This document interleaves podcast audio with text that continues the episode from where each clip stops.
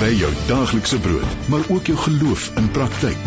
Dis 657 Radio Kansel en 729 Kaapse Kansel. Die klanke van die lewe. Goeiemôre en 'n hartlike welkom hier by Met Hart en Siel.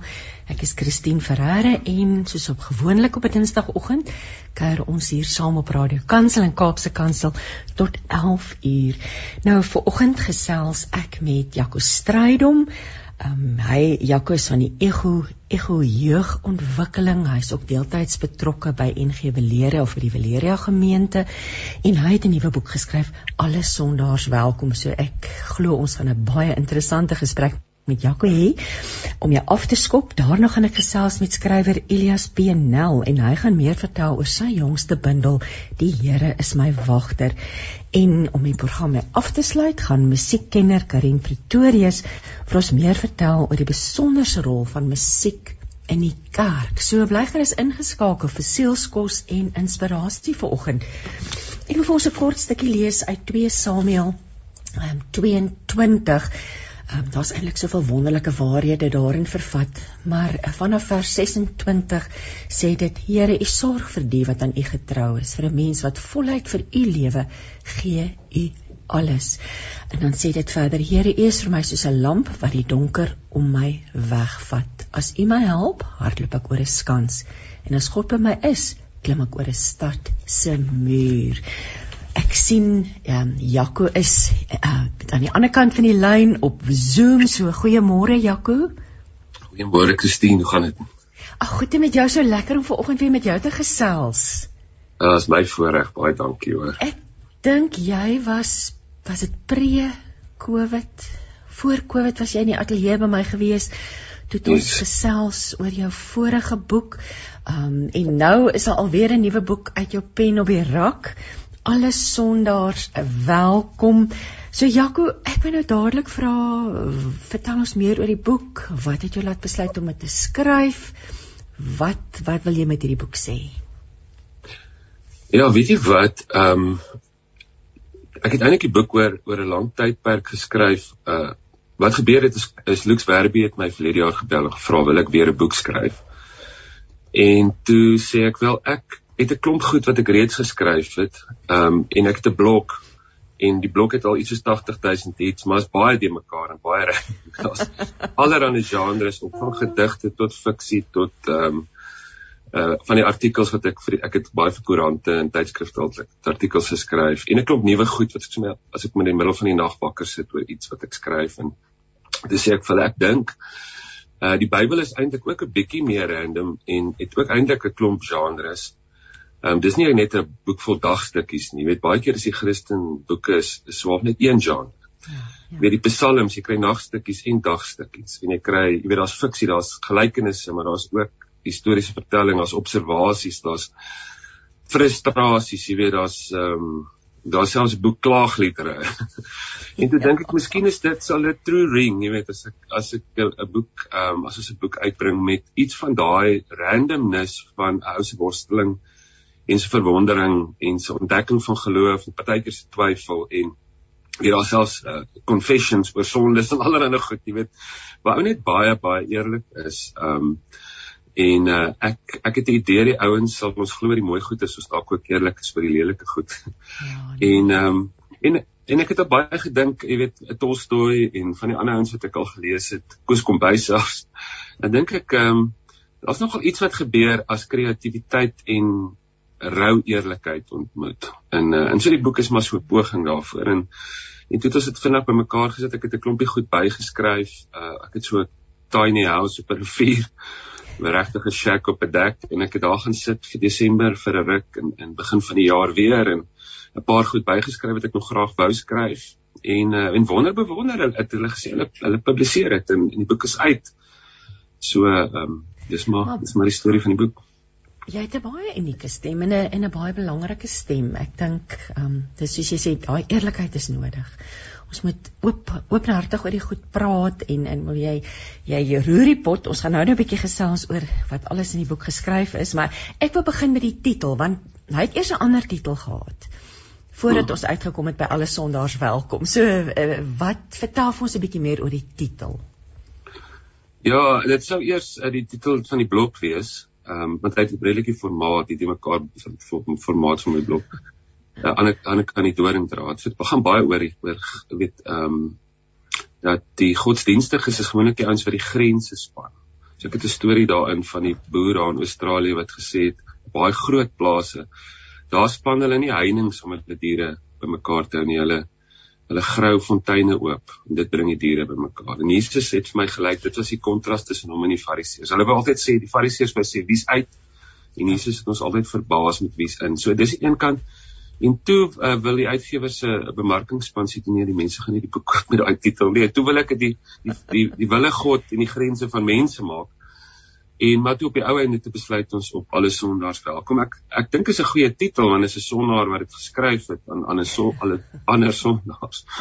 Ehm um, ek het 'n storie in die boek uh, van 'n 'n kerk waar ek ek het voorreg voorreg om baie by kerke te praat. Ek was hierdie naweek in Witrifuur en Kaapse Hoop en gisteroggend in Clarence van alle plekke in ehm um, intussen er nog gesondige aande Pretoria by ding. So ek het ek sien nogals baie kerke, maar ek sien baie selde dat die mense wat regtig verwerp is deur die gemeenskap, die mense wat tipies agter Jesus aangekom het, die malaatses van ons tyd, dat hulle welkom voel in ons eredienste. Ons ons dit is maar 'n redelike standaard profiel baie keer in ons eredienste, jy weet.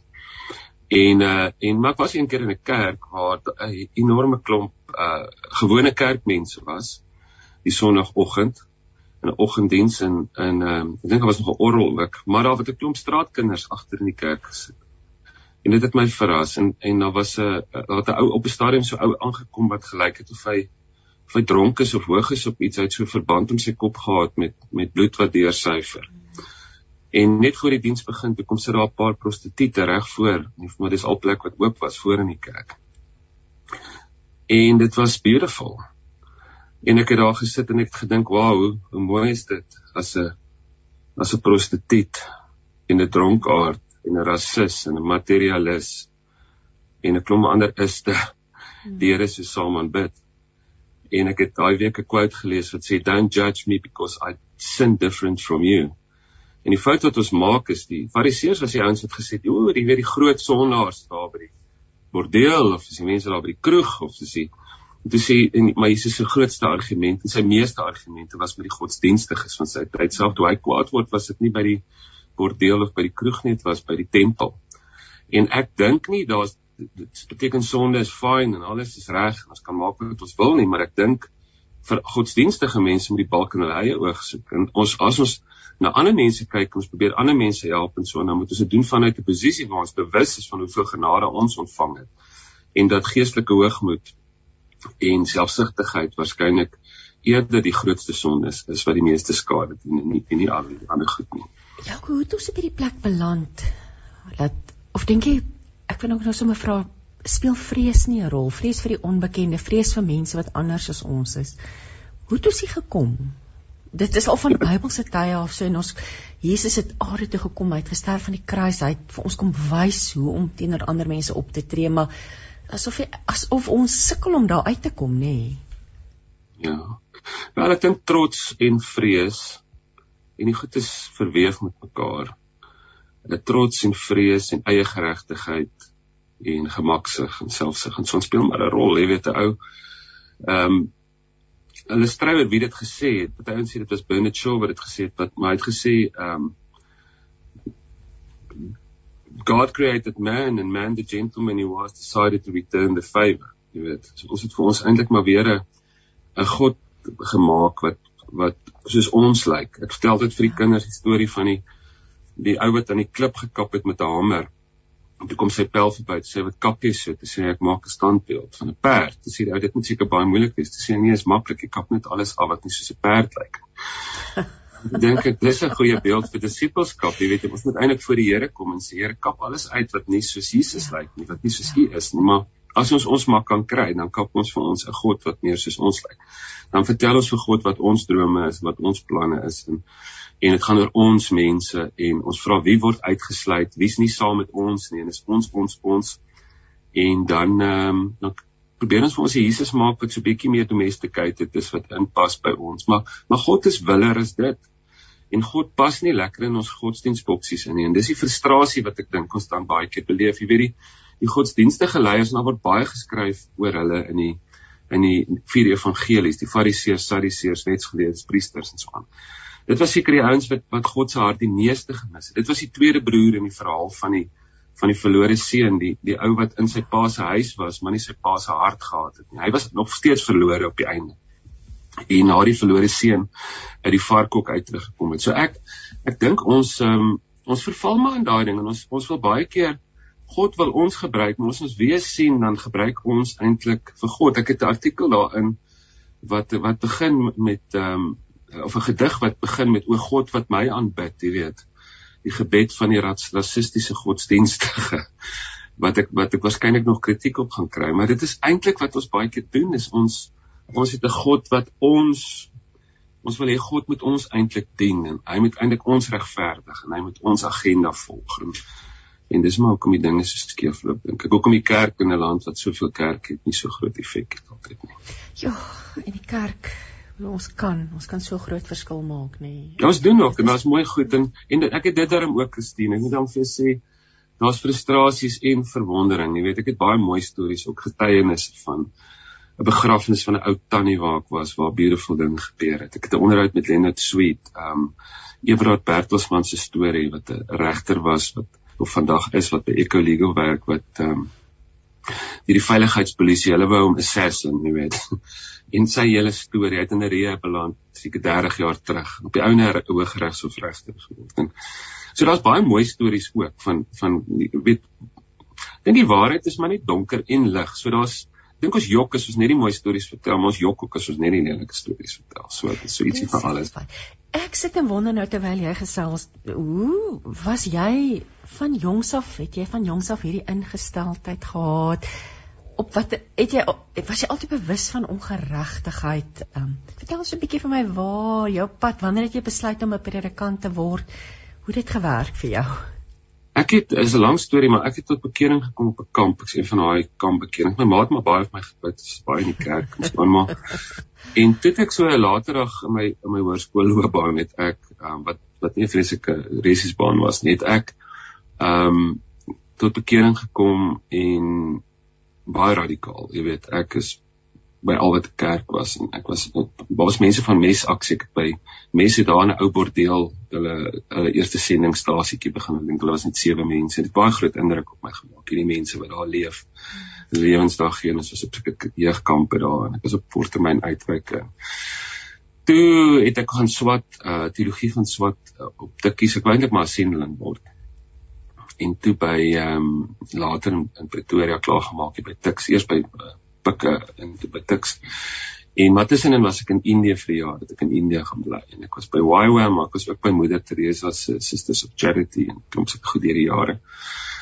En ek het toe ek klaar, klaar geswat het, het ek uh, of terwyl ek swat het by Tikkies nagraad het ek in Bramley kinderhuis gaan bly. En en ek het nie al daai goed beplan nie, maar op op 'n stadium het dit begin lyk of al hierdie goeders tog ehm um, vir Here 'n plan gehad het. Jy weet hulle sê die die lewe lees jy maar soos die Hebreëse Bybel van agter af vorentoe, jy weet, na die tyd dan kyk jy terug en sê, "Jog, maar die goed het tog 'n effek gehad al hierdie goed wat gebeur het." So, ek was baie bevoorreg om om baie baie vreemde plekke te wees. En later in my lewe het ek die voorreg om in die Echo uh, community te hê met die grootste weirdos wat hulle lewens gee vir kinders en en al die interaksie en en goed daar. Ouens sê altyd jy gaan as asof hulle my bietjie jammer kry vir ek en dan sê ek ten minste is dit nie boring nie dis net baie opwindend. Weet jy wat die, die jare in Indië interesseer my nou. So vertel 'n bietjie, bietjie meer. Sê jy daar gewerk on, on Ja en ek was 'n uh, um, ek het heelwat in die boek daaroor geskryf. Ook ek is ehm um, uh ek het onder ek het was 'n paar keer in Indië. Ek was net een keer daar dis 'n hele klomp kere daar. Dit is saam met verskillende ouens gewerk daar en uh, maar op 'n stadium het ek 'n DT saam met YWAM gedoen en en soos ek sê ek het saam met Sisters of Charity partykeer gewerk, het partykeer groepe later gevat, ehm um, ook in Bangladesh Nepal, Pakistan baie sendelinge besoek, maar ek het partykeer ook net getravel, net soos soos 'n hippie gelewe daar in die berge in in Noord-Pakistan en daar in 'n basecamp gebly saam met klomp Japaneese bergklimmers en ehm um, En uh, ja, dit was dit was so 'n ongelooflike leerskool Indië en, en wat mense in Indië gesien het is die ehm um, iets van die vroeë kerk die kerk is in die minderheid. Jy weet ek uh, later in my lewe was ek weer 'n paar keer in Indië en ek het baie keer mense in die bediening gevat op skatoere en uh, hulle wil altyd die ouens Amerika toe vat en Europa toe en sê ek moet ons vat hulle Indië toe want daar sien jy nog iets van die vroeë kerk. Hulle is die, die Christene is in die minderheid maar in die Indiërs Indiese kerk het baie keer nogal hierdie ding waar jy weet ek het nou gedink jy ons het 'n klomp ekou huise en ons doen nou ietsie. Ja.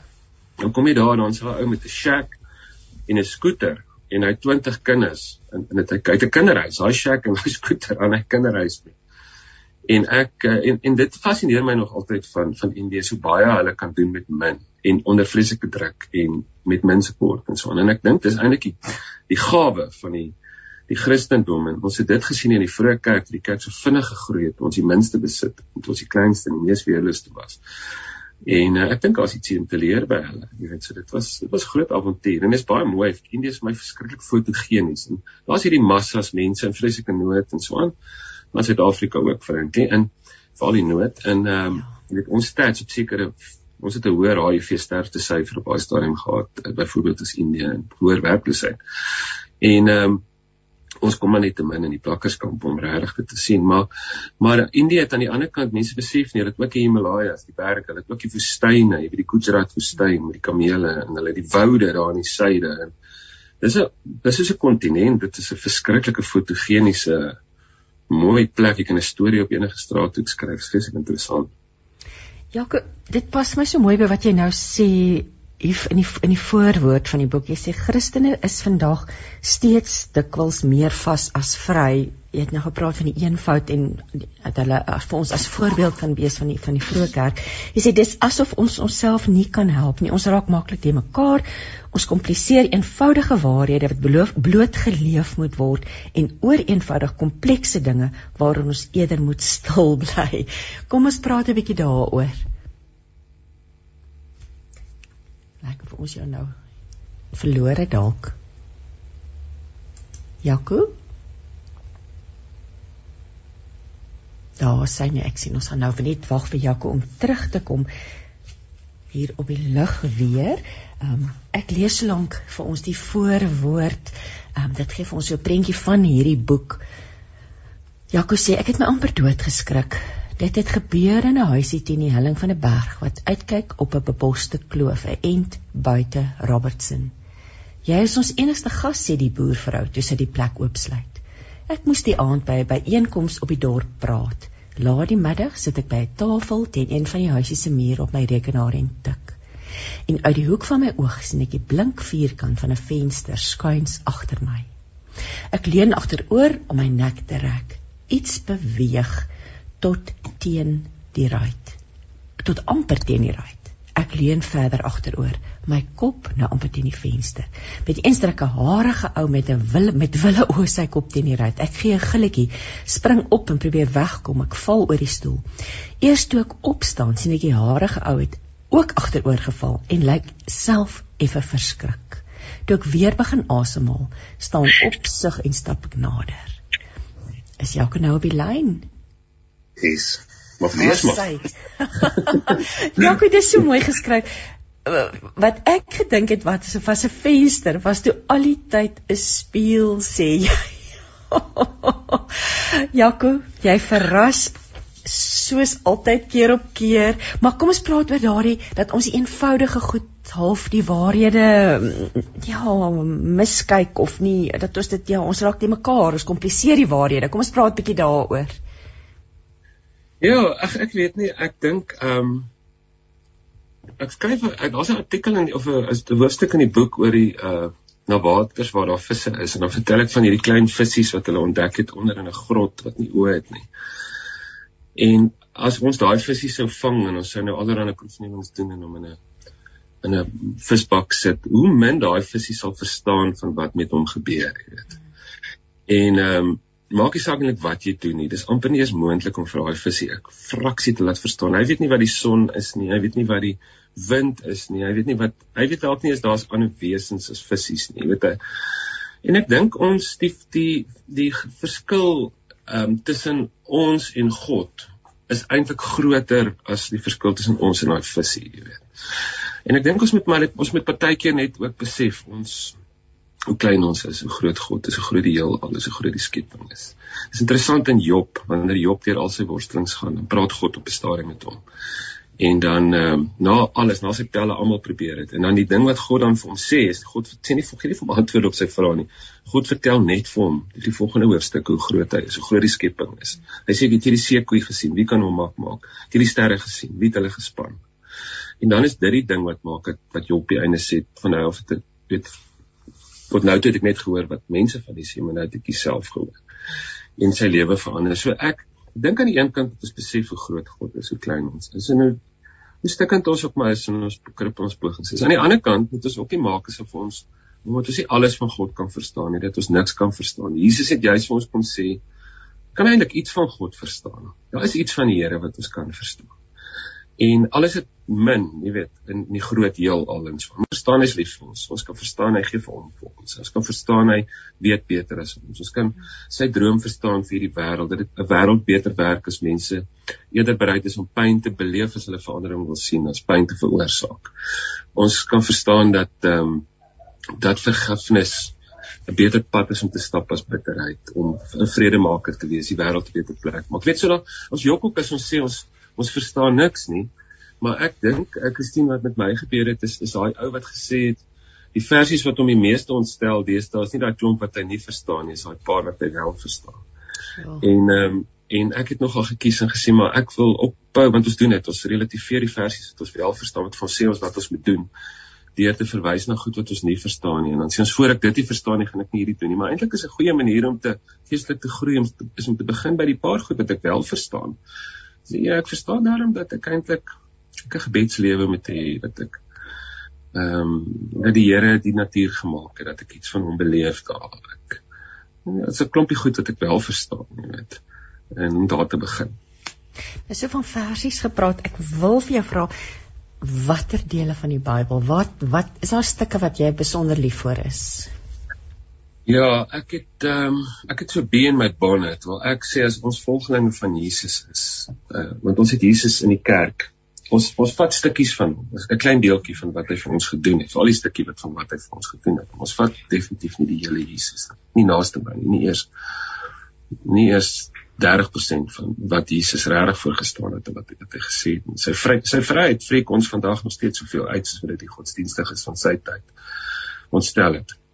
So ek het nogal so 'n ding waar ek ek vir myself voel ek wil nou die vier evangelies oor en oor lees vandag. Matteus, Markus, Lukas en en ek daag mense nogal uit om te sê een keer 'n jaar lees ten minste Markus een keer 'n jaar deur is die kortste evangelie of ten minste die bergpredikasie nou en dan Matteus 5, 6 en 7. Maar ideaal lees bietjie al vier evangelies dwars deur een keer 'n jaar en sit net Jesus weer heeltemal reg in die middel want die probleem is die Bybel is 'n dik boek. Jy kan oorlog regverdig met versies in die Bybel. Jy weet uh die nasies het het Bybelversies op van hulle tanks gehad. Jy kan uh um jy kan verskriklike wreed hê. Jy kan dit regverdig om iemand te stenig uit versies uit Deuteronomium. Jy kan dit regverdig om jouself verskriklik te verryk of om sewe vrouens te hê. Wat ook al uit die Bybel uit, jy kan dit doen. En, en jy kan dit kom goed regverdig uit selfs uit die Nuwe Testament. Wat ook al, maar baie van daai goed is moeilik met Jesus, want Jesus het 'n baie radikale standpunt jy weet wanneer hulle hom gevra het wat se heel belangrikste dan het hy gesê dis liefde. En maak nie saak wat jy doen nie, jy gaan maar dit as jy 'n volgeling van Jesus is, is jy 'n volgeling van want dan's Jesus die plek van waar jy redeneer. En ehm um, en ek dink ons doen nie altyd dit nie. So ek is nogal oor die evangeliese versies, jy weet ehm um, die die die, die Matteus 5 die saligsprekinge waar Jesus eintlik vir ons wys maar om geseën te wees. Gewoonlik het die ouens gesê om geseën te wees gaan goeie goed met met jou gebeur, met ryk word, jou vyande oorwin en goeie oes sê en gesond wees en so aan. En dan sê uh met jou gebeur en om jou gebeur, maar dan maar dan volgens Jesus sien jy maar om geseën te wees gaan eerder oor wat in jou gebeur en wat deur jou gebeur. Jy weet dit is maak nie saak dat Paulus in die tronk gesit het nie. Hy was geseënd want hy kon deur hom kon nog steeds amazing goed gebeur. Stefanus was geseënd alles hy met klippe dood gegooi want in daai oomblik kon hy was hy vry om te sê Jesus se gebed te bid. Jesus aan die kruis gebid het. Die vroeë kerk was geseënd want hulle kon in die donker tyd van vervolging amazing goed regkry. En geseënd gaan daaroor dat goeie goed in ons gebeur en deur ons gebeur. En dis hoekom mense sê geseënd is die wat barmhartig is.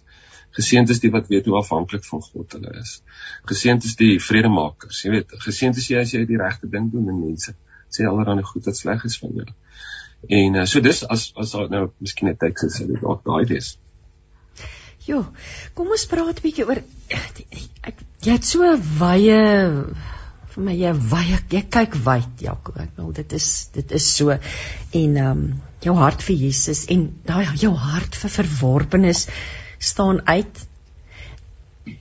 Jy jy roer ook die pot. Is dit voel jy voel jy half geroep dat jy moet mense bietjie anders laat dink? Is dit deel van wat jy met die boek wil bereik Ek het ehm um, ek het maar begin skryf omdat ek agtergekom het kyk ons wil almal ek bedoel as jy as jy 'n volgeling van Jesus is dan saai jy op om die wêreld 'n beter plek te probeer maak jou lig te laat skyn.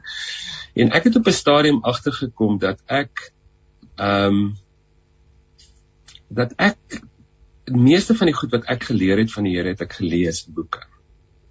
Jy weet baie van of nie meeste nie maar baie van dit het ek ek het in boeke geleer van van 'n klomp goed wat ek vandag glo. Henry Nouwen se boeke, ehm um, uh Floyd McClung, wie ook al, jy weet boeke het vir my jong vroeg in my lewe stories en verhale in die Bybel en die vir, vir boeke van die vroeë kerk. En toe het ek gevoel maar ek wil ook skryf. En ehm um, so maar ek het gevoel ek moet eerlik wees, jy weet en ek Jy weet wat gee jy nou eintlik vir ander mense as jy net vir hulle jou die som totaal gee van wat jy waarby jy nou uitgekom het, maar nie jou worsteling nie. As jy net eerlik is oor die mooi goed, maar nie ook oor jou frustrasies nie. Ehm um, ek dink jy dan sê ek dink die kerk veronderstel om die eerlikste plek op aarde te wees, maar as ons eerlik wil wees, moet ons eerlik wees ook oor ons tye van twyfel. Dawid was uh Petrus was Paulus was, jy weet hy sê kyk nog ek weet wat die goeie wat ek wil doen, dit doen ek nie en hy's versteek op homself. Op 'n gebed vertel hy wat nie geantwoord is nie. Die profete was eerlik daaroor, maar maar vandag is dit swaar vreemd dat 'n mens mens mense saamvat met die hele pad in ehm um, en sê maar en dit laat mense weet wat gebeur as geestelike leiers eerlik is nie. Is, dit laat mense voel hulle is eintlik daar's fout met hulle. En as jy fout met hulle, nie die dominee is net nie eerlik nie of die pastoor of die geestelike skrywer. Hy worstel op maar en hy het ook maar geheime sonde van allerlei goed wat hy al voor die Here moes bring en allerlei issues en goeters waarop hy moes deurwerk. En hy gaan ook maar deur tye van twyfel en frustrasie en goed maar Hy is net nie so eerlik oor nie want hy wil hy's bang hy gaan aan die mense wat twyfel as hulle sien hy twyfel of hy worstel maar Dawid het getwyfel en dit Psalme geskryf jy weet en of en hy het sonde gedoen en hy het droog gemaak en die Bybel is eerlik oor die oor die mooi en die lelik van God se mense. So ek ehm um, ja, ek ek hoop maar dit as mens eerlik is dit tog 'n bietjie uh, ander mense het meer kan help, jy weet. Dis my mooi wat jy ook sê jy skryf en sê jy jy beleef hierdie boek of jy hoop dat die leser hierdie boek gaan beleef as 'n uitnodiging eerder as nog 'n godsdienstige voorskrif, ehm, 'n um, gesprek wat nog nie klaar is nie. Ek kyk jy in 'n dowwe spieël en jy sê hooplik kan ons mekaar motiveer om eerlik saam te soek en dalk op net saam met Jesus te waag tot aan die tot ander kan die grense van mense. Um, yes. Ja, ek sal hoop ek Christine my eerste boek Confessions vir Kerk wees was ook so die mekaar boek so hierdie. en hy het goed gedoen, jy weet uiteindelik in vergelyking met die in die as jy nou kyk in die Afrikaanse mark het hy goed gedoen. Alhoewel een een van die groot Christen boekwinkels die grootste een om nie op die Pirak sit nie het hy eintlik besonder goed gedoen en en uh, die blok ook. Ek bedoel die blok het 80000 iets en en ehm um, maar een van die die mooi goed wat gebeur het met daai eerste boek is 'n uh, ouete op Litnet die Afrikaanse skryfforum het hy 'n review geskryf van die boek. En hy het geskryf ehm um, hy het begin deur te sê dat ek het hierdie boek my ma het hierdie boek gekry. Dis 'n ou wat redelike ek dink hy's op sy 40s maar hy hy het by sy ma het hy die boek sien lê. En uh hy's 'n redelike groot ou in literatuurwêreld, maar hy skryf en sê ek's 'n ateïs en ek lees nie Christenboeke nie. Hy sê maar en dan skryf hy 'n baie mooi review. Dit was vir my die mooiste. Jy weet 'n klomp mense het mooi goed geskryf, Stefan Huber en Cas Wegner en ouens wie ek baie respek het. Maar ek het maar sy review het vir my verskriklik baie beteken. Want toe sê hy ek is ateïs. Hy sê maar en en hy sê klomp mooi goed oor die boek en dat dit hy voel is honest en is eerlik en so aan. Maar dan sê hy dit het hom hy hy's gefassineer deur Jesus en deur die vryheid van Jesus en hy Jesus nog uit jy sien Jesus nou in 'n ander oog jy weet en en ek dink as die boek iemand kan dors maak net ten minste dat hulle so 'n bietjie gefassineer raak deur Jesus en die vryheid van Jesus en die grootheid van die misterie en die teenwoordigheid van God op ook nie godsdienstige plekke en so en dan sal ek sal ek baie bly wees maar ons is net ja. terug by die titel nê alle sondaars welkom so ek dit gaan nou interessant wees om te sien wie tel die boek op. Ehm um, ek dink mense sal dit optel bloot omdat jy, jy dit geskryf het. Hulle weet al wat ja. van jou te verwag en wil kyk wat Ja, weet dalk dalk die teendeel hoor. wie sal nou weet Jakob? ek wil nou ook met jou gesels want jy het al daarna verwys en ehm um, jy verwys na die wille God. Ek ek dink ek dink dis ja, Kom ons vertel my wat jy daardeur wil sê of wat jou prentjie van hierdie wille God is want ons het almal 'n prentjie van God. Ja. Met die ernstige Vader op die troon, ehm um, verskillende prentjies. Maar hierdie wille God wat jy van praat, wat bedoel jy daarmee? Ja, wat ek daarmee bedoel is dat ehm um, is dat God pas nie in die hokke, die godsdiensthokke waarin ons sit God se genade was groter as wat die godsdienstig die mense wat hom bestudeer het gedink het in die Bybelse tyd. Hulle het God uitgefigure gehad. Dis asof die godsdienstige leiers van Jesus se tyd hulle kon God raak sien in die geskiedenis baie duidelik. Hulle kon baie mooi uitwys vir hulle kinders vir almal. Hulle kon hom raak sien in die boek, in die wet, in die Ou Testament. Hulle kon hom raak sien in die tempel en daai die tempelrites en al die offerandes en die en die goeders en so. Maar toe hy vry tussen hulle kom rondloop en hy's so naby dat hy nie op kan raak en hy beweeg tussen die melaatses en hy kuier tussen die tollenaars en weet daar. Toe wil hulle hom, toe sien hulle hom nie net raak nie, hulle dink hy's die teendeel van God. Hulle dink hy's hulle hulle kry dit heeltemal verkeerd. En uh, ek dink ons moet dit weet. Ek dink ons moet weet dat ons maklik uh, van God iets kan maak wat hy nie is nie. Dat God is wilder as die natuur hy is ehm um, hy's groter en hy's vryer as wat ons dink en ek het al lankal besluit as ek ehm um, as ek dit met verkeerd kry dan wil ek eerder te veel genade hê. Dan wil ek eerder glo God is te goed. Hy het meer ruimte vir mense as wat ons gedink het as wat ek uh, na die ander kant toe gaan en in 'n bietjie te kwaai is en te vinnig oordeel. En ehm um, so dit is ehm um, die God is wat is wel jy weet God en daar's da hierdie ding in die Bybel dat ehm um, weet is amper soos die natuur. Die natuur is verskriklik, maar die natuur is ook beautiful. En daar is hierdie verskriklike kant in die lewe en daar's hierdie beautiful kant in die lewe. En 'n vrou het eendag gesê God comes to us disguised as our lives sometimes. Tot soms, jy weet. Ja. En dat daar regtig ook iets van hom in die donker te vind is. Ehm um, ja. Ja, daar's op die oomblik in ons tydskrif in die leef is daar 'n artikel met jou, 'n profielartikel in ons wat ek lei mooi foto's van jou omgewing daar waar jy leef en in werk en doen. Maar daar's twee stellings wat jy maak wat ek graag wil hê met vir ons kommentaar oorlewer. En die een is dat jy sê die grootste ons grootste groei lê daarin en om die Here in die donker te soek en sien. Jy het nou na daai donker weer verwys. En die tweede een is dan die gebreekte riet wat in swakheid voor God staan is nog nooit weggewys nie. Wat wat sê vir ons wat moet ons as gelowiges oor hierdie twee stellings weet? Ons moet weet dat Dawid van sy mooiste psalms geskryf het toe hy weggekruip het in die grot. Dat Paulus van sy beste van die mooiste goed wat geskryf is in die Nuwe Testament geskryf is toe hy onregverdig in die tronk was. Ehm um, jy weet daar's so 'n liedjie en dan sê die woorde don't rush your healing because darkness has its teachings. En van Franciscus van Assisi uh, tot Martin Luther tot Martin Luther King en Moeder Teresa en Heidi Baker sal vir jou vertel van donker tye waardeur hulle is waarin hulle iets van God moes beleef. En die Bybel het vreeslik baie daarvan. Ehm um, van worsteling en van uh onsekerheid. En jy weet die daar en ek dink is in klaagliedere waar die ou sê maar God het my mislei. Ander ou sê ek wens ek is nooit gebore nie.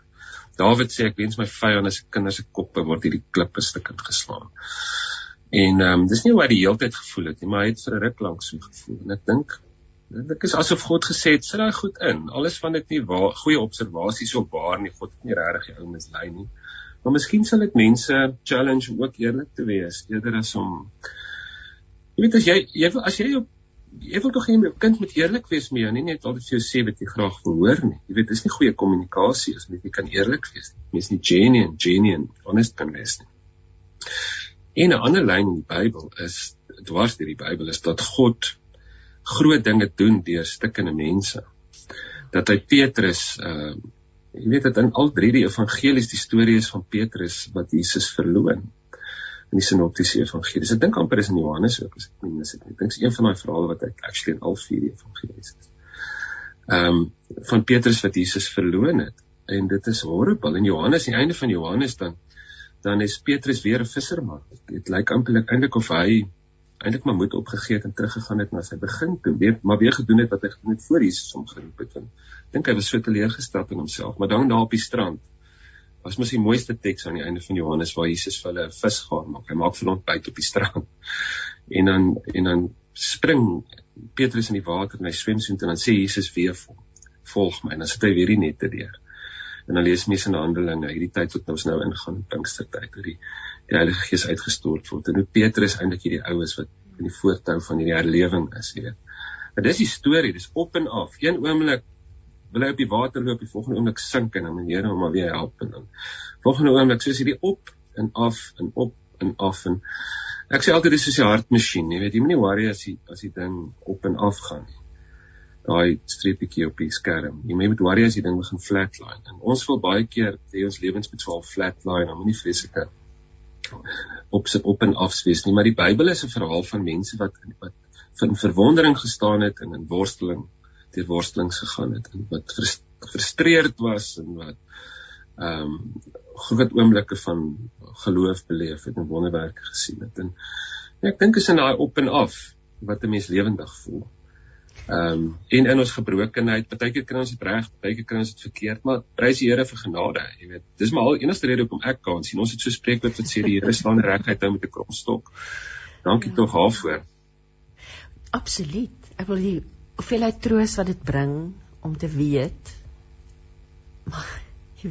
hulle was in die in, ja, presies wat jy nou gesê het. So ons as mense vandag in hierdie lewe vandag kan maar eerlik wees. Ons kan maar die Here weet in elk geval alles wat in ons hart aangaan. As jy 'n verhouding met hom het, jy weet, hoef jy nie jy hoef dit te maak wat anders is nie, nê, as jy dalk betrek in jou hart koester of of wat ook al. Maar so waarop wat jy sê eerder op en af as net hierdie plat geloof, net leweloos, nê, dooie geloof. Ja, weet jy wat Christine, ons het baie keer met dwelm ouens, ons werk baie met dwelm verwante goed hierso. En die ander naam vir 'n dwelmmiddel is 'n verdowingsmiddel. Hmm. En wat die ouens doen is is hulle ehm um, wil baie keer die pyn van die die, die shame en die en die, die hmm. guilt en die die alleenheid en die leegheid wat hulle in die lewe beleef verdoof. Jy weet hulle wil dis baie keer sal hulle sê dit is dit is die lewe is net verskriklik. Maar dan het die ouens, die kenners sê vir ons you can't numb selectively. Jy kan nie uh, selektief verdoof nie.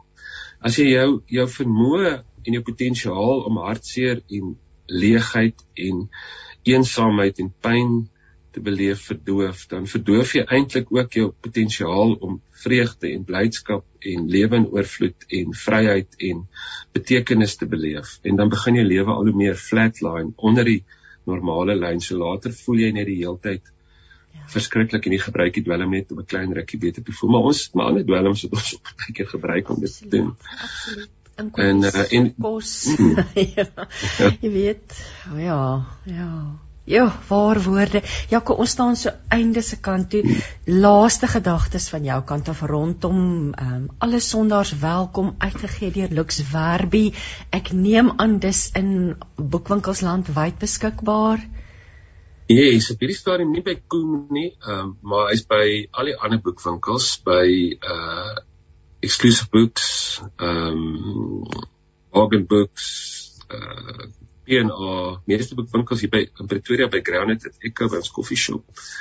En uh, as jy ons moet kry, ek dink Takealot koop homself en hulle kan my maar kontak ook as hulle wil. En aanlyn natuurlik, ek is seker ehm um, en Ja, werkgewers dit sal dit ook aanlyn lekker, ja. Yes. So ehm um, Jaco, het jy 'n webwerf of daai blog van jou? Waar waar kry mense? Mm, ja, dis ander kan die doringdraad. Ehm um, maar net ek dink as hulle dit Google, ander kan die doringdraad een woord dan behoort hulle daar te kom. En kan en as hulle met jou wil kontak maak om die boek in die hande te kry of wil hê jy moet in Ehm um, kerk kom ja, gesels? hulle kan my maar ehm um, e-pos jacostrydom@icloud.com.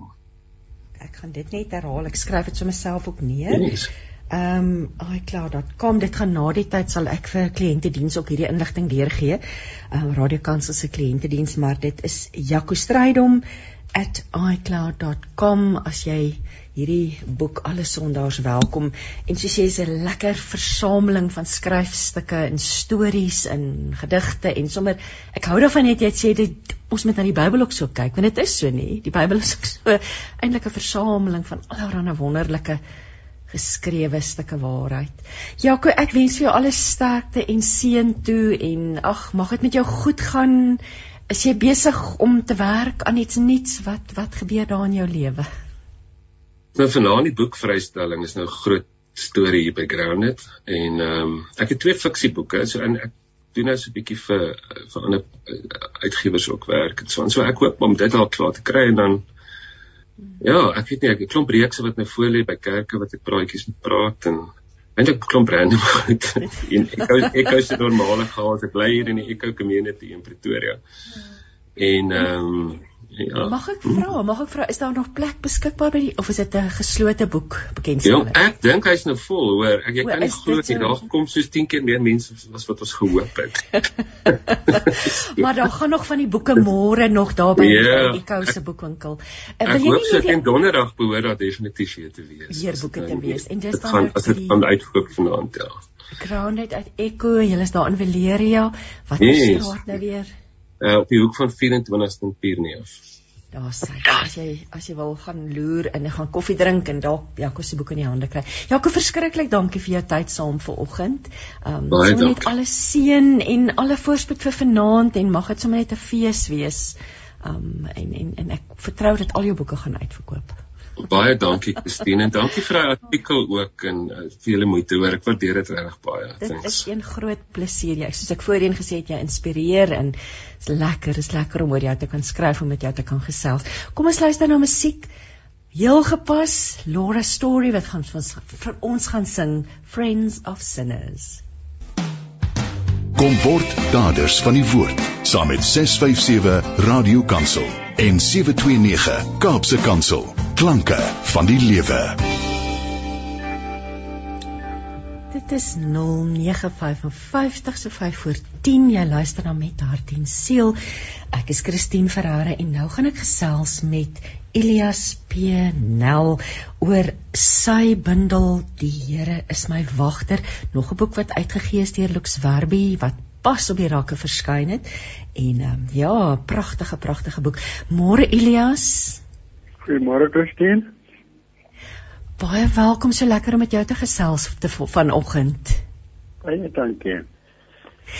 Elias, hierdie is 'n interessante boek, 'n versameling van ehm um, stukke uit die skrif vertaal in besonderse Afrikaans.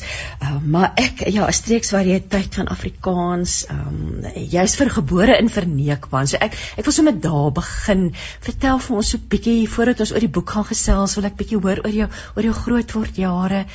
Ek self het 'n tyd lank in my lewe in Prieska gewoon as kind, so ek het so glimps van daardie wêreld gehad. Maar vertel vir ons van jou grootword jare. Ja, ek uh is op Verneekpad gebore, eintlik op die geheggie uh, Swartkop. Ek noem dit nou geheggie eerder nedersetting wees. Uh baie klein en en en uh gemeenskap hier daar mense nou betrokke in ander mense se lewens was. Wat vir my al uitgestaan het was die respek wat daar geheers het uh onderling tussen mense en veral kinders vir groot mense ook die omgee en en en sorg vir mekaar. En dit is iets wat wat my lewe lank by my gebly het. Ek kan onthou hoe daar na gereeld 'n koppie meel of 'n bietjie suiker geleen sonder dat daar enige uh, slegte woord gesê is. En daai daai omgee en sorg was vir my verskriklik belangrik. Ehm um, ek het groot geword daar, ek het skool gegaan tot die ou standaard 5 by die congregation, by die Punt Congregation Laerskool. Uh voordat my ouers in 68 uh Kaap toe getrek het skryf wat dit presies te wees. Uh en hierdie uh tongval waar ek skryf, dit is my moedertaal. Dit is die taal wat my ma, my pa, my gemeenskap gepraat het en uh wat jammerlik nou aan die gebeur is is dat hierdie manier van praat soos wat die ouer mense uitsterf en uh ek sê dit nie deur hulle nie, dit is die taal van die non-lesers, uh, mense wat nie kan lees of skryf nie. En hulle moet probeer sin maak met woorde waarmee hulle gekonfronteer is. Uh en en dit is baie beskikbaar belangrik om hierdie want dit is regtig vir my 'n kultuurskat om dit te bewaar en dit dan ook as 'n uh, geestelike taal, Bybelse taal uh te probeer daarstel jy ek, dit is so interessant dat jy jy jy sê jy skryf in die taal van jou hart Boesmanlands ja. Afrikaans. Ehm um, jy sê jy wil pleit dat die taal gebruik nie as 'n kuriositeit, kuriositeit as 'n snaaksigheid beheen moet word ja. nie. Uh dit moet raak gelees word eerder in in sy rykheid en in die vindingryke manier van sê vertel ons oor die boek. Die Here is my wagter. Wat het jy met die boek gedoen met hierdie taal? Kyk, uh, uh ek moet dit dan sê um uh, in die vraag sou seker later weer aan die bod kom, maar um ek was veral geïmponeer met wat uh, professor Hans de presies so meer as 20 jaar gelede reg gekry het met wat hy genoem het uh, Grieko-Afrikaans. Uh ja. maar daar is baie ooreenkomste en en en my sien ek hierdie prentjie en en ek mag verkeerd wees en mense mag met my verskil. Handelinge 2, uitstorting van die Heilige Gees, die apostels praat in verskillende tale sodat die mense wat daar staan dit kan verstaan, die boodskap kan verstaan. Uh en hier staan 'n klompie mense van Verneekpan wat net hierdie variëteit van Afrikaans besig en sou die apostels dan in hoë akademiese Afrikaans gepraat het, sou hulle nie my boodskap goed verstaan het. En dit is een van die redes hoekom ek gevoel het dat ek dit dalk so mag doen. Uh en en want vir my persoonlik het hier nuwe waardes uh gekom. Dis asof ek die Bybel nou weer vir die eerste keer nuut ontdek het en ek kon mamma se stem hoor uh soos ek skryf en en dit weer lees. So ek sou graag en en dit is die eintlike doel hiermee. As ek wil graag hê dat mense weer half teruggedwing word na die oorspronklike teks om my uh verwerkte weergawe daar saam met die autentieke Bybelteks te lees en te kyk uh of ons nie deur hierdie nuwe taalbril dalk weer daardie wonderlike wonderlike boodskap van God se bemoeienis met die mens wat begin by Genesis en eindig by Openbaring. Ehm um, as die Here in die tuin God in die tuin gaan wandel dan vra hy mens waar is jy? Vertel van God se bemoeienis met die mens. En dit is wat ek eintlik wil hê dat ons weer opnuut sal gaan kyk wat wil die skrif vir ons sê en dat is hierdie bemoeienis, hierdie wagterskap as ek dit so mag noem van God oor ons lewens uh, weer nuut en vas sal ontdek. Elias, vertel 'n bietjie vir ons oor die proses. Um, ek wil sommer ook vra, miskien kan ons begin om te sê watter skrifgedeeltes is vervat en dan wil ek hoor hoe jy te werk gegaan om om die, om die bundel saam te stel. Ja. Die die skrifgedeeltes wat hier uh gekom het, is grootliks psalms. Dan uh is daar Genesis en daar's 'n teks uit uit Samuel, 2 Samuel. Uh daar is Prediker, Spreuke, Jesaja, Amos, uh Matteus, ja.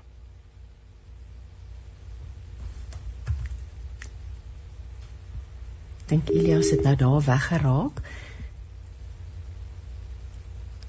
Ek wonder net ek ons hoor nie nou vir Elias nie, so ek dink ons gaan net weer terugskakel. Ehm um, ek lees so lank vir ons 'n stukkie uit die voorwoord wat Elias geskryf het. Hy sê die Here is my herder. Ehm um, Psalm 23 is ongetwyfeld die bekendste Psalm in die Bybel en is inhoudelik die bevestiging van God se bemoeienis met die mens. 'n bemoeienis wat soos 'n goue draad reg deur die Bybel loop. Dit is jammerlik ook juis hierdie oorbekendheid wat meebring dat die grensverskuivende inhoud van sorg en en en van beskerming en 'n ongeëwenaarde betrokkenheid in die mense wel en wee maklik misgekyk word en hierdie bundel poog om met die kyk die, met die kyk deur 'n nuwe taalbril die oorspronklike inhoud weer nuut fris en vars te maak sodat die ware hier hernuut ontdek kan word. Elias, ek verneem jy's terug op die lyn. Ek is lyn. Ja. Dankie tog. Oi, ek sê baie keer tydens die program ons is so uitgelewer aan die tegnologie.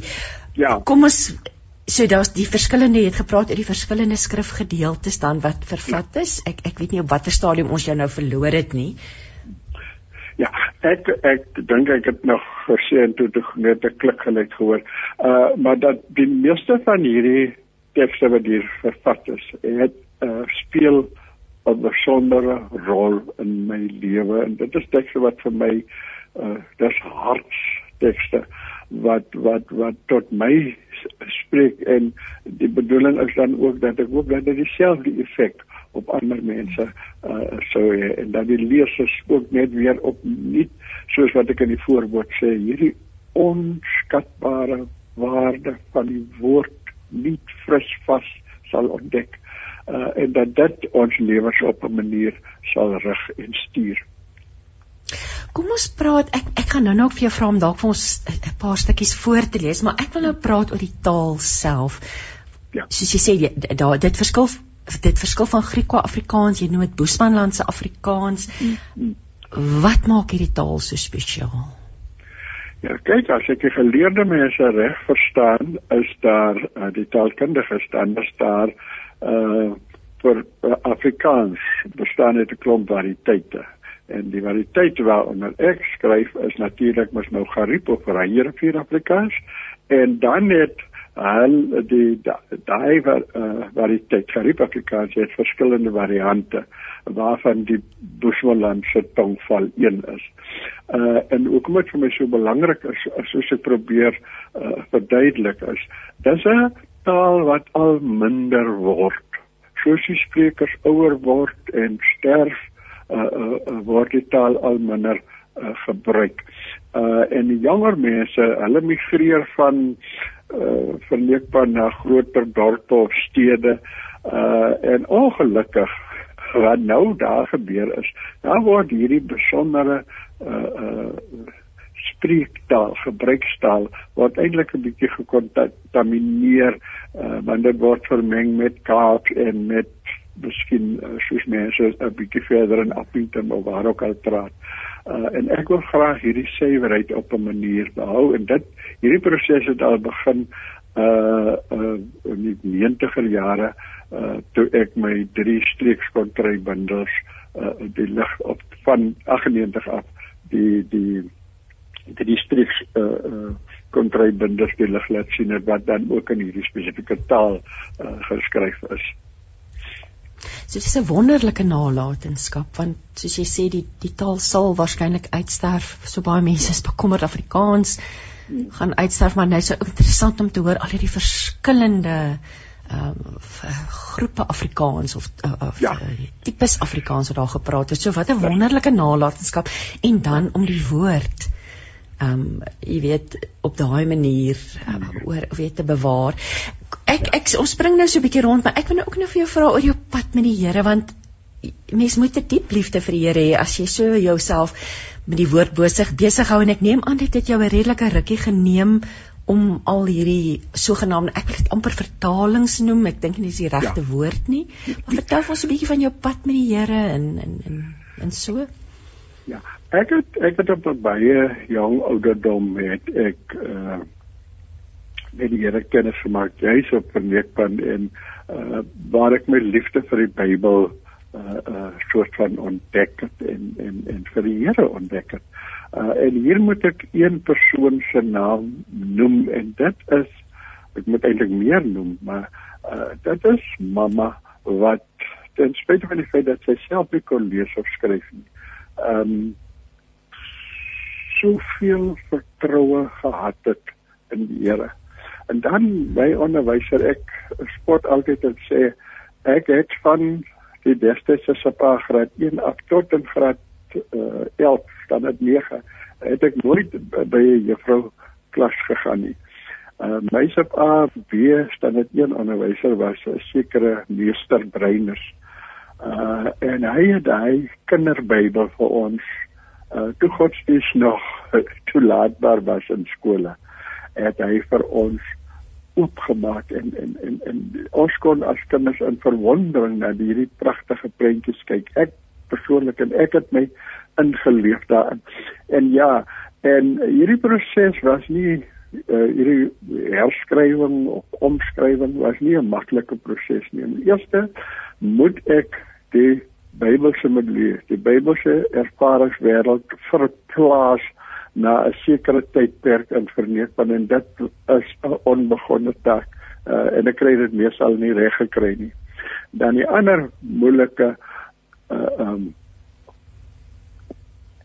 uitdaging was dat ek omdat ek in hierdie uh, variant skryf moet die spelling konsekwent wees en en en dit was nogal moeilik en die uh, taalversorger professor Frank Hendriks uh het my nogal redelik uh, daaroor uitgetrap uh, sodat sodat die, die spelling moet deurentyd konsekwent wees.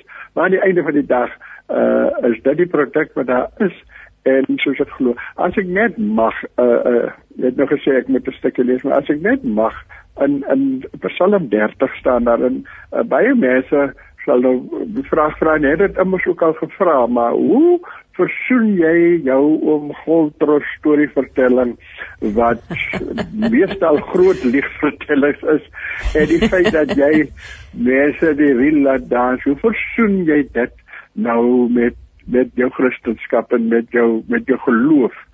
En ek wil net uh, in Psalm 30 staan vers 12 ek was in die rou maar u het my van vreugde laat dans. En ek het dit omskryf as volg. Toe ek oor die dood gesit te treur het toe u mos vir my die riel uit blygheid uit laat trap. Uh en en en en en want daar is 'n vorm om jou blydskap uh, te ja. toon uh, en daar is hoeveel uh, voorbeelde ek weet nou nie hoeveel keer die woord dans in die in die Bybel voorkom nie maar Dawid voor die ark het hy gedans gejuig uh uh voor die Here. En en en dit is hierdie dansuiting wat dan ook in die in in in die reël voorkom. En en en en ek ek ek daai vreugde omdat die Here vir ons hierdie gawe van kultuur gegee. Uh en dit was die gawe van humor gegee om te kan lag. Uh en en en ek dink dit sal 'n belediging wees as ons dit nie gebruik nie. Absoluut. Ek wou een van die vrae wat ek vroeër ook al wou vra maar ek dink so baie om oor te gesels vanoggend is juis jou betrokkeheid by die ATKV se gewilde reel danskompetisie. Jene dit dit dit almal op hol gehad. Almal het dit ja. is so 'n vreugdevolle uh, uh, uh, uh, manier soos jy sê van uiting gee van jou liefde ja. vir die Here of sommer die liefde vir die ja. lewe. Vertel vir ons 'n bietjie ja. oor ag soms 'n bietjie agter die skerms en hoe dit gebeur het die reel danskompetisie en die effek wat dit gehad het um, op ons mense? Ja. Uh die proses het in 'n uh, vliegtuig begin. Ek en professor Hans het besoek op daai stadium. Op daai stadium was hy die voorsitter van die ATKV se kultuurkommissie en ons was op pad na uh, Lapa uitgewers in Pretoria waar beide van ons uh, uh, op die direksie gedien het. Uh en ek sê vir hom ek het hierdie verskriklike begeerte om om die reël te laat herlewe want oral waar ek gekom het in die platteland uh, het ek altyd gevra is hier nog mense wat die reël kan dans Uh, en dit was ook so op die randjie van die gehuiwer van uitsterwing. En toe ons in Pretoria kom het Hans onmiddellik my idee aan die destydse uh bestuurende direkteur Dr. Fritz Kok gesê en hy het gesê sit dit op papier uh en die res is geskiedenis soos hulle sê. Ons het begin met 'n skamele sewe groepies en toe ek uh in 2015 in 2015 daar wegstap uh of nie meer by die reël betrokke as ek nog toe so vir 2 jaar vir die ATKV gewerk. Uh toe was daar meer as 100 groepe op die op die data ATKV uh, data uh, reël bas. Data die reëlse database knoop my tong nou. Maar goed, en en en en wat wat verskriklik belangrik is, as twee dinge wat vir my uitgestaan het, is dat vir al die jonger geslag het hierdie reël omarm nou daar verskeie redes daarvoor ehm um, en ek sal nou nie daarop ingaan nie. Maar die die kersie op my koek en en en eintlik die beloning vir die harde werk want ek en my vrou Julia het hierdie wêreld deur kruis om om om om die groepe te begelei en op te lei. En die kersie op die koek van al daai werk was toe die groep van Wuppertal in 2015 die gekroon is as die wêreld kampioen in die tradisionele volksdans in Los Angeles. Dit is daarom 'n ongelooflike nalatenskap. Ek kan net dit ag, is dit nie wonderlik maar, maar ek het ons nie almal maar tog net so 'n hinkering en 'n behoefte aan die goed het ons mee groot geword het nie. Ja. Dit kom maar ja. tog op 'n stadium nie. As dinge as jy jonk is, verwerp jy dit dalk vir 'n ruk soos jy gesê het, maar toe toe die jong mense begin weer betrokke raak ja. en begin dans. Ja. ja. Ek dink dit is 'n hele hele kwessie na die soeke uh, uh, na identiteit, hy uh, soeke ja. om te behoort, om geborge ja. te voel. Uh, uh en ons het van die begin af het ons dit baie duidelik gemaak dat die voorreg wat jy kry om die reël te dans is niks anders as 'n genadekans nie om om jou kultuur wat wat wat wat besig was om om om dood te gaan uh weer te laat herleef niks niks anders as genade nie Ag, ek is sommer wondervleis. Soos jy nou gesels en Ja, maar jy verwys net na praat om Prof Hans Du Plessis. Ek dink die, die sy Psalm die was mos die Griekwa Psalms. Hy was ja. so gewild gewees ja. en jy verwys ook eh, na die invloed van die digter Adam Small. Ehm um, vertel vir ons so 'n bietjie oor die invloed van hierdie twee mense op jou werk um, en ja. op jou lewe. Ja. Uh van baie mense sal dat ek eers so begin Christen. Van baie mense sal in die skelte of dis tog pralig nou aan se werk aan. Die kere is by wagte van nee. uh uh sal dit vreemd op die oog en op die tong uh, uh, op die oor val. Ehm um, ja. en, en en en ek wil juist daai vreemdheid wil ek wegneem. Uh, uh soos ek dit ook gesê het wat ek al probeer van die 90er jare af doen met my skryfwerk. Uh Adam Small het ek leer ken as 'n jong seentjie op Verneekpan aan 'n tydskrif wat destyds by skole omgekom het genaamd Alpha. Uh en het ek van sy werk gelees en dit het vir my die sin gemaak nie. Uh dat dit vir my vreemd op die oog en op die oor geval. Uh en dit het ook uh, vir my komies gelyk. Totdat ek begin verstaan het dat Afrikaans die standaard uh variëteit is nie die enigste nie. Die die die digters die het mal Herbert gesê wie op die uh terrein uh, van die volksidioom werk moet by alle waters drink die see, die riviere, die fonteine, die syfergatte. En en en ek sien hierdie uh Bushwalandse Afrikaans dan as hierdie syfergat. Nou syfergat is in in, in ons taal 'n gorra wat jy in 'n droë rivier loop grawe en waar deur die water uh syfer en dan kry jy die koelste en vaste water soos dit daar deur die sand uh, filtreer. Uh en en en dit het Adam Small vir my gewys dat om 'n variëteit van Afrikaans te besig maak nie van jou 'n minder mens nie. Jy is dan ook eintlik besig om soos Malherbe gesê het by te dra tot die groter geheel van Afrikaans. En dan Hans soos ek nou al by meer as een keer gesê het, uh, ek uh, het in 2004 het hom 'n onderhoud op KAK gevoer. Uh op daai stadium was ek en twee van my vriende waarvan die een nou al reeds uh, ons ontval het.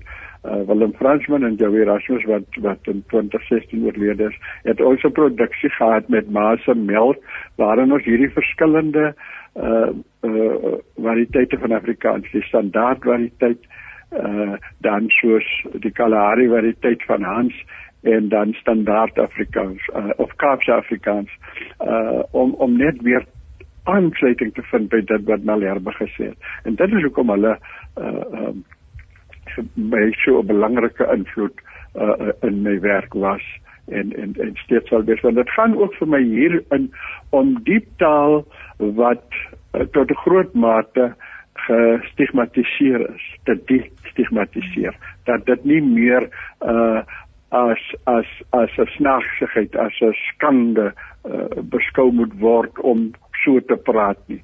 Maar ook om dit uh uh te demarginaliseer dat dit nie uitgesluit word nie. Daar's nou uh, prosesse aan die gang waar mense voel dat dat uh kinders toegelaat moet word om te skryf soos hulle praat. Um, juis om hierdie uh, marginalisering van die streeksvariëteite uh, teen te werk. Daaroor gaan ek my nie uitlaat want ek is nie 'n kenner nie, maar so baie veral belangrik dat ons net met kennis neem dat daar uh, verskillende variëteite van Afrikaans bestaan en dat 'n mens dit sou uh, uh, as dit geoorloof is soos ek probeer het om ook dan as 'n uh, geloofstaal uh, neer te pen. Ja, dis my so mooi jy jy praat van die soepele diversiteit van Afrikaans ja, wat jy ja, wil belig. Ja, ja, ja. En dan so mooi wat jy ook sê is dat die meeste in die van die meeste tekste in hierdie werk is vir my persoonlik van besondere geestelike waarde. Ja, ja, en wel in ja. die sin dat dit 'n bevestiging is van die Here se herderskap in my lewe. O, Elias, ja, wat 'n pragtige, ja. pragtige manier om dit te stel. Ja. ja. Um, maar ek dink ons luisteraars is nou al baie nuuskierig om te hoor. Wil jy nie asseblief vir ons so 'n paar stukkies dalk voorlees nie? Ons het nog tyd en ek dink soos ek sê, ek dink almal is nou nuuskierig om te hoor hoe klink dit. OK, goed. As ek dit nou net in die hande kry. Uh een wat vir my besondere waarde het uh en dit het die meisie op weer destyds verlief was vir my in my Bybel geskryf toe ek by hulle gekuier het en hy Hy selfde meisie is al vandag van meer as 40 jaar my lewensmaat. Ah. Dis Jesaja 40. Jesaja 40. Hy sê die mense wat moeg is nie wie krag. En vir dies wat genaaks meer krag oor het, die dubbele sterkheid. Selfs die jong klou goed, die word moeg en kragteloos en die jong manne, hulle strukkel en val ook. Maar dies dies wat nou op die Here sit te wag. Hulle kry splinter nuwe krag. Hulle vlieg op hulle se sterk vlerkens soos die lammervangers. En hulle hol en hulle stap en hulle word die es moeg. Ek is dis pragtig. Ek is hoendervis van kop tot toe. Is daar asseblief nog 'n stukkie wat ons kan na luister?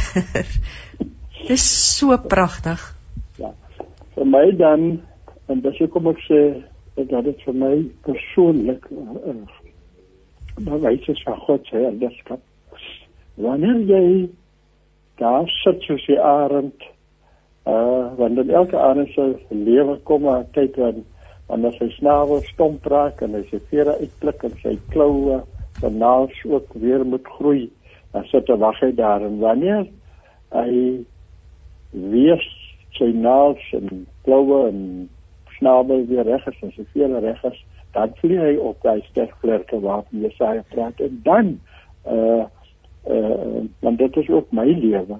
Dan dan moet daar op Psalm 100 wees. na hierdie swaar kry. Psalm 100 'n tyding om vir God te kom prysig. 'n Psalm by die prysiging. Jy jubel voor die Here o groote are. Dien die Here met blydheid en kom staan julle almal voor sy gesig met 'n gejubel. Erken tog dan nou dat die Here God is. Hy het ons gekom gemaak en ons syne. Sy en die skape op sy byvelde. Gaan staan op sy verende stoep met lofgesange en met dieselfde lofgesange tot binne sy voorhuis in. Loof die Here. Prys sy naam. Want hy hy die Here is daar maar goed. En sy goedheid is tot in alle ewigheid en sy getrouheid van die een geslag tot ver by die ander geslag. Hm. Elias, ek wil vir vir ons luisteraars die naam, die titel van die boek gee. Dis pas uitgegee deur Lux Werby. Uh die die persoon, die skrywer is Elias Benel met wie ek nou gesels. Die titel van die boek is Die Here is my wagter en dit is 'n versameling verwerkings van die Bybel in Boesmanland se Afrikaans. Elias, ek wil vir jou verskriklik dankie sê vir jou tyd vanoggend en dat jy met ons gesels het en hoe wonderlik is die voorreg nie om te kon luister hoe jy vir ons voorlees nie. Um ag mag die Here met jou en jou en jou mense wees met jou vrou. Um jy sê jy lê tot laat in nag in Korswil met haar oor die uniekheid van die gebruikstaal. So um ja, wonderlike voorreg gewees. So laaste gedagtes van jou kant af. Ja, ek wil maar net sê uh uh want uh, dit kan dalk probleme veroorsaak. Dis nie almal in die Boswelland wat so praat nie. Daar's mense wat uh die standaard kwaliteit praat en dit is goed so. Ja. Uh en dit en dit dit stimuleer juist die taal en dit dit dit dit, dit beïnvloed die rykheid uh vindinglikheid uh, van van van van ons mooi taal Afrikaans. Ehm um, en ek ek wil werklik die uh, as daar van die luisteraars wat die boek gaan koop, uh lees dit saam met die Bybel sodat daar nuwe waarde na vore kan kom. En soos ek sê vir my persoonlik, dit is verskriklik baie beteken. hmm. Elias baie baie dankie. Ek herhaal net weer die titel. Die Here is my wagter deur Elias Penel, uitgewer Lux Werby. Elias, mooi dag vir julle verder en mag die Here se seën op hierdie boek rus en dat dit baie baie harte sal aanraak. Amen. Amen. Baie dankie. Daar sê kom ons laat Dankie Elias. Kom ons luister na Bernice Borman wat nou vir ons gaan sing. Die Here wag reeds daar. Een visie, een stem, een boodskap. Radiokansel 657 AM en 729 Kaapse Kansel maak impak op lewens van Gauteng tot in die Kaap. Jy luister dan met hart en siel en ja, hoe wonderlik hoe ons aanbidding God ons hele lewe deursypel nê en dat op alle vlakke ons dit kan doen. Alles in ons lewe is deel van 'n loflied aan hom. En nou gesels ek met Karin Pretorius oor 'n interessante onderwerp. Um, sy het 'n boek geskryf, Missionale musiekmelodie met 'n subtitel wat sê Musiek dra 'n boodskap en um, ja, kerkmusiek is hier die fokus. Um, Karin is op die lyn. Goeiemôre Karin. Môre Christine. Hoe gaan dit daar vanoggend met jou? nee, baie goed, baie goed, dankie. Karim, dit is so lekker om vandag met jou te gesels. Hierdie boek is uitgegee deur Barnabas Uitgewers. Ehm um, ja, maar kom ons begin by die begin. Waar het jou loopbaan as musikant begin? Ja, Christine, ek is gebore uh in die Bosveld op 'n klein plekie En ek het nou na Pietersburg Hoërskool toe gegaan waar ek as twee vakke gehad het. Ehm um, daarna het ek nou gaan studeer aan die Universiteit van Pretoria waar ek my BA gedoen het en my lees en en my meestersgraad het. So ek het verskeie kore maar met die tyd begelei, begeleidingswerk gedoen en so het ek ook um, opgetree met verskeie instrumente. Ek het uh, teatermusiek as vak aangebied en ek het 'n musiekskool ook begin waar ek nou lesse gegee het in verskeie instrumente soos uh, vir klavier, kerkorgel, gitaar, blokfluit en dwarsfluit en byvoorbeeld musiekteorie. Ja, ek het aangeneem klavier en orgel sal 'n groot rol speel in in in in jou lewe. Vertel vir ons 'n bietjie oor jou belangstelling in kerkmusiek. Waar het dit vandaan gekom? Christine, ek is nie 'n predikant getroud so met my agtergrond uh, wat vir my.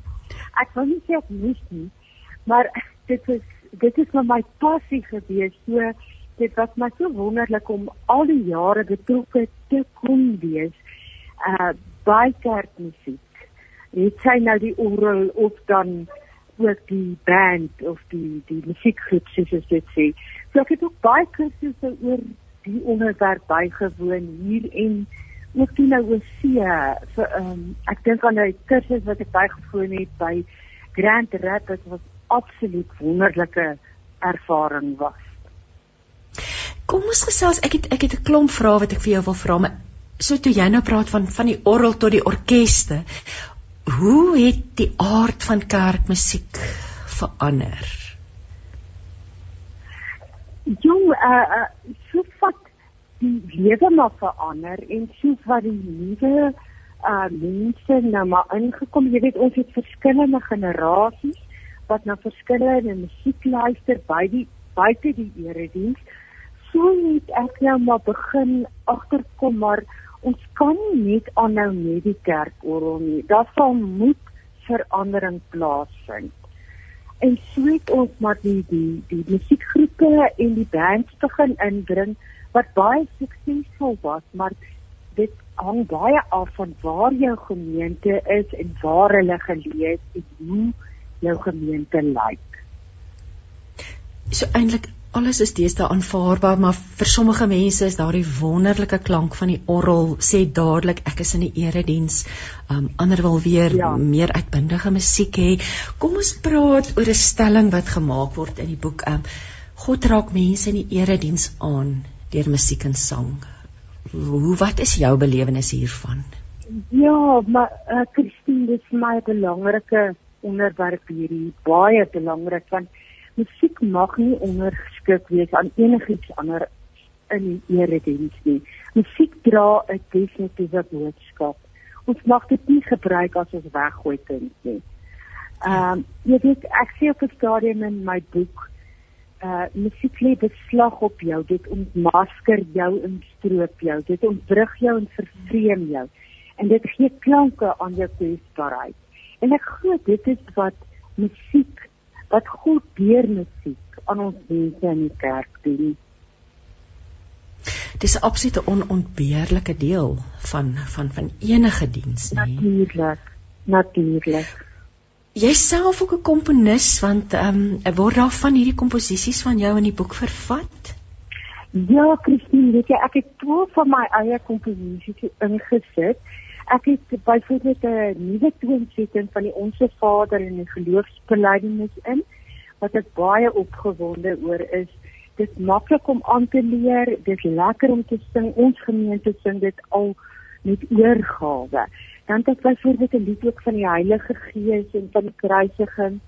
Ek het 'n wegstuurlied in en ek het 'n moeders en 'n vadersdag lied in en nog meer ek hoop regtig dat die gemeente dit met oorgawe sal kan gebruik.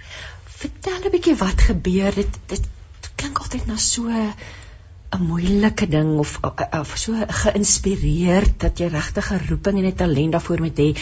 Hoe komponeer mense lied? Wat gebeur met jou? Wat gebeur in jou hart as jy voel jy begin nou 'n lied leef? Weet jy ek dink uh, daar gebeur verskillende goed met verskillende uh, komponiste Christine. En uh, ons almal sal staan stel dat jy jy kan 'n lied skryf soos wat Mozart geskryf het en moes skryf. Dit was sy opdrag om te skryf en so het ek gevoel dit is ook God se opdrag aan my om te moet skryf. ek self hoor die melodie en dan ehm um, dan begin ek dit weer skryf en so begin die lied dan vorm aanneem. Soos eers die musiek en dan die woorde vir jou. Vir my is dit eers die musiek en dan die woorde, ja. Kom ons praat oor die boek. Ek wil nou weet wat het jy deur die wat wil jy bereik deur hierdie boek en vir wie is hierdie boek bedoel? Uh, weet jy Christine, ek wil net eerstens wil ek vir die Here eintlik baie dankie sê. Hy het my as instrument gebruik glo ek om dit wat vir my so verskriklik na in die hart lê in 'n boekvorm te kon omsit. En ek het nie die antwoorde in hierdie boek nie, maar as dit vir iemand iets kan beteken, is ek baie dankbaar daaroor. Ek wil drie goed bereik deur die boek. Ek wil eerstens sê dat musiek 'n boodskap dra, dit is baie belangrik.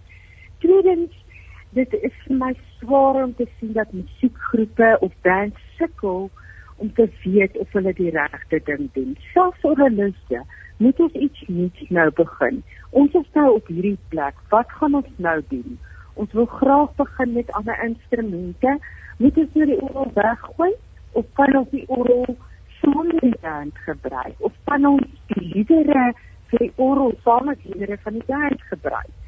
Hier ehm um, konsentreer ek baie op, op die konteks van die gemeente. Met ander woorde, waar ons geleer. Is ons in die stad of is ons in die platteland? Is ons ou mense of is dit spesifiek jong mense? Ehm um, hoe lyk die musiek waarna ons luister buite die kerkgebou. Met ander woorde, maar wat is die storie van ons gemeente? En dan derdens in die boek sal ek graag wil hê uh dat my komposisies met oorgawe gebruik moet word. En so hierdie ek nou gevra vir wie is dit geskryf? Wel, ja. ek dink dit is vir musiekgroepe, uh vir bands, musiekgroepe, orgeliste, maar ook vir liturge, jy sê preek van pastore, dit is belangrik om om hierdie goed te, te moet weet. En dan enige iemand wat sommer lekker op soek is na nuwe musiek kan enige tyd ook hier nuwe liedere dan aanleer. Jy fokus op musiekbediening in hierdie boek en en daar's my interessante konsepte wat jy bespreek. Ehm um, jy sê as ons kyk na musiek moet ons eh, daar's 'n hoofstuk wat gewy word aan luister en onderskei, ehm um, waag en ontdek, verhelder en fokus, reflekteer en inoefen. So kom ons praat 'n bietjie oor hierdie konsepte. Luister en onderskei. Wat wat wil jy hierdeur sê? Ehm um, kom ons begin hier te sê Marie ag ekskuus Christine. Dis 'n uh, baie belangrike uh boek wat praktiese riglyne gee.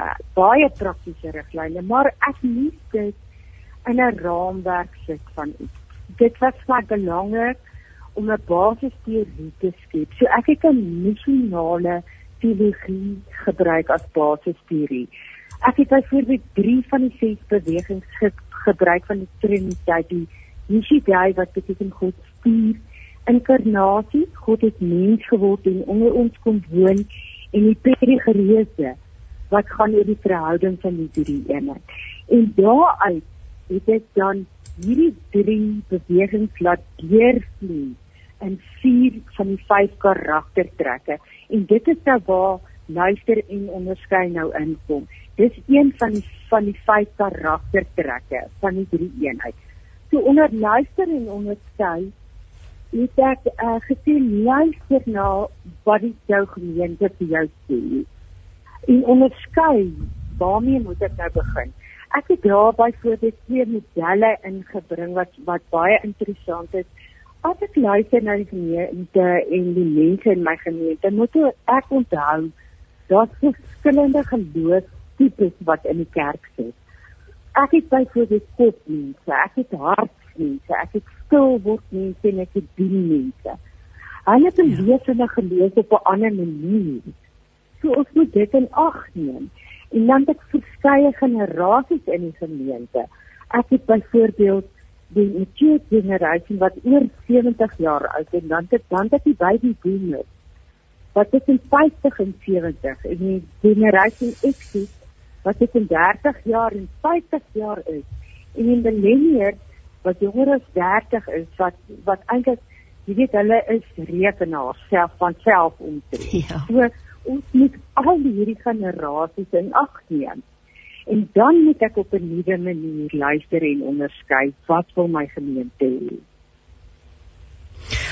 Dis nou vreeslik mooi en dit sluit so mooi aan by die gesprek wat ons al vroeër vanoggend gehad het met Jaco Stroudom. Jy sê ons moet weet God beweeg en dit lê in die hoofstuk waag en ontdek en jy sê waag en ontdek kan as sleutelwoorde gebruik word. Ons weet dat God nie vasgang vasgevang kan word in 'n wagkamer nie. Hy is selfs groter as ja. ons beeld van 'n rivier. God is absoluut nie anders en ons kas, kan hom nie vasbind in ons eng definisies of grense nie. En dan dan, dan vra jy die vraag, hoe gaan ons dit dan waag om God te loof en wat kan ons in hierdie proses ontdek? Vertel vir ons so 'n bietjie meer daaroor. Weet jy, ek het um, onthou 'n mens kry 'n instandhoudingsmodel wat soos 'n wagkamer is. Jy weet wat gaan volgende gebeur. Ek gaan ja. nou ingaan by die dokter, ek gaan my voorskrif gee of of 'n verwysing of wat ook al. Maar maar as ek die beeld van 'n rivier gebruik, dan is dit 'n rivier wat vloei en ons vloei saam met die rivier. Ons weet nie altyd wat op ons pad is nie. Maar ons vloei saam en vloei saam met God. Ons loop die pad en vloei die water en die stroom saam met God. En dit is wat hierdie nuwe model vir ons sê. Ons moet begin waag. Ons kan begin waag. Ons kan begin sê my gemeente is reg vir iets. Ons kan iets nuuts probeer in ons gemeente. En dan soos ek nou voorheen ook al uh, opgehamer het, dit gaan oor die konteks vir die gemeente. So luister eers na die gemeente en waag dan om iets nuuts te begin. Ek het byvoorbeeld in hierdie hoofstuk het ek uh, baie riglyne gegee oor die musiekgroep. Ek het uh, gesê hoe begin ek met 'n musiekgroep? So met watter uh, instrumente begin ek byvoorbeeld? Hoe stel ek my band saam? En byvoorbeeld hier is ons voorsang saamgestel. Jy weet, uh, ons kan nie net op 'n ander manier aangaan en sê kom ons sing 'n paar liedere saam. Ons begin met lied so en dan sing ons dan ons moet ander maniere begin ontdek om die prys en worship voor die Here te hier te doen. Dis my so mooi wat dit kom net weer terug daarby. Musiek is nie net 'n gedeeltetjie van die erediens nie, dit is 'n belangrike deel van die erediens, is deel van die boodskap. Jy jy jy skryf so mooi want jy praat ook oor ons het nou nog gepraat oor hoe God beweeg en jy praat oor die plekke waar hy beweeg en waar ons ontmoet hom ontmoet jy sê ons ontmoet hom in sy gebrokenheid aan die kruis ons ontmoet hom in ons gebrokenheid ons gaan ontmoet hom in die vreemdeling in vreemde ja. liedere ja. in liedere wat dadelik met jou praat um, ek wil vir jou nou vra watter watter soort musiek hou jy van dan om om om om om die Here mee te dien ons het dit sê in ons gemeente in die konteks van ons gemeente uh gebruik uh, ons nog steeds die orgel en dan gebruik ons ook 'n musiekgroep of 'n band. Nou dit is nie altyd maklik nie want jy stel nie al die mense altyd tevrede nie. Ja. Maar ek uh, probeer byvoorbeeld twee liedere vir elke generasie kies met met die toepaslike instrumente daarbey. En dit dit werk op hierdie stadium vir ons gemeente onthou daar dat twee persent mense wat nooit gaan verander nie, wat jy nooit op tevrede gaan stel nie. En uh dan moet ons maar vrede maak meer. Maar as uh, ek sê in ons gemeente en, en, en dit is vir my manier ook. Onthou ek het musiekopleiding gehad, so ek het weer mis geswat.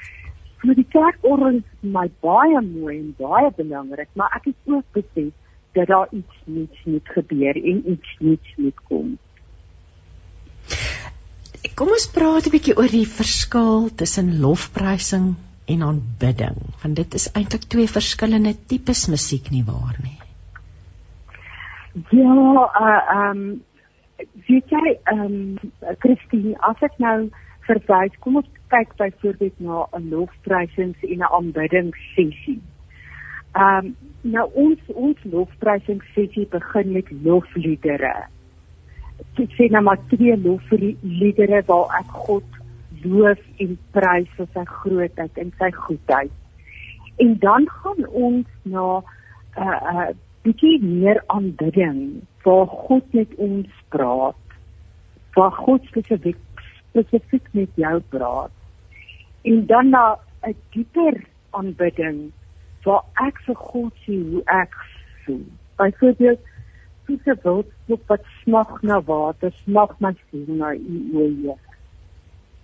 So van lofprysing wat dit lofliedere was, het ek oorgegaan dan na aanbidding en 'n dieper aanbidding wat my verhouding met God dan beklemtoon. Is daar dit is nou vir ook interessant want as jy nou kyk na gemeentes, dit is daar so verskeidenheid van gemeentes wat daar's mense wat dan 'n uh, oralis formele formeel opgeleide musiek musiekpersone het wat hulle aanbidding lei. Maar dan is daar natuurlik gemeentelede wat deelneem deelneem as 'n koor of as 'n sanggroep. So, is dit belangrik vir 'n gemeente of vir 'n musiekleier in 'n gemeente om om om op die regte voet af te skop as 'n mens dit so kan noem. Is is dit deel van jou boek om om musiekleiers te help om om dit reg aan ja. te pak? Ja, weet jy, eh, Christine, dit is dit is een van die hoofredes hoekom ek die boek opgeskryf het is dat ek vir vir die kerkleiders en musiekleiers kan kan uh, wenke gee hoe om te begin. Hoe kyk ek wat moet ek doen in my gemeente want elke gemeente verskil. So ek kan nie vir jou sê jy moet nou dit gaan doen in jou gemeente nie. Maar ek kan jou help om te kyk na die konteks van jou gemeente en dan te sê goed, dit is hoe my gemeente saamgestel is. Kom ons begin kyk na iets nuuts. Dit is nie noodwendig nodig om die orgel uit te gooi nie maar ons kan iets nuuts begin inbring. Dit is nie nodig om die koor weg te gooi nie, maar ons kan die koor dalk op 'n ander manier begin gebruik. Daar's plekke waar waar die orgel fantasties werk. Waar dit byvoorbeeld ouer mense is in die erediens waar ek niks sal verander nie. Maar daar's baie gemeentes waar daar jonger mense is wat as hulle buite die kerkgebou is, wanneer luister mense as hulle buite die kerkgebou is? uh, nie noodwendig na klassieke en orgelmusiek nie. So ons kan nie volk vreemd wees op 'n Sondag nie. Ons moet tog aansluit by die wêreld. En in op watter manier dit is nou interessant net so as 'n agtergrondstukkie hoe betrokke raak leraars by die musiek of uh, wat is jou belewenis? My keuse van musiek of by die hoe ja ja hoe betrokke raak hulle?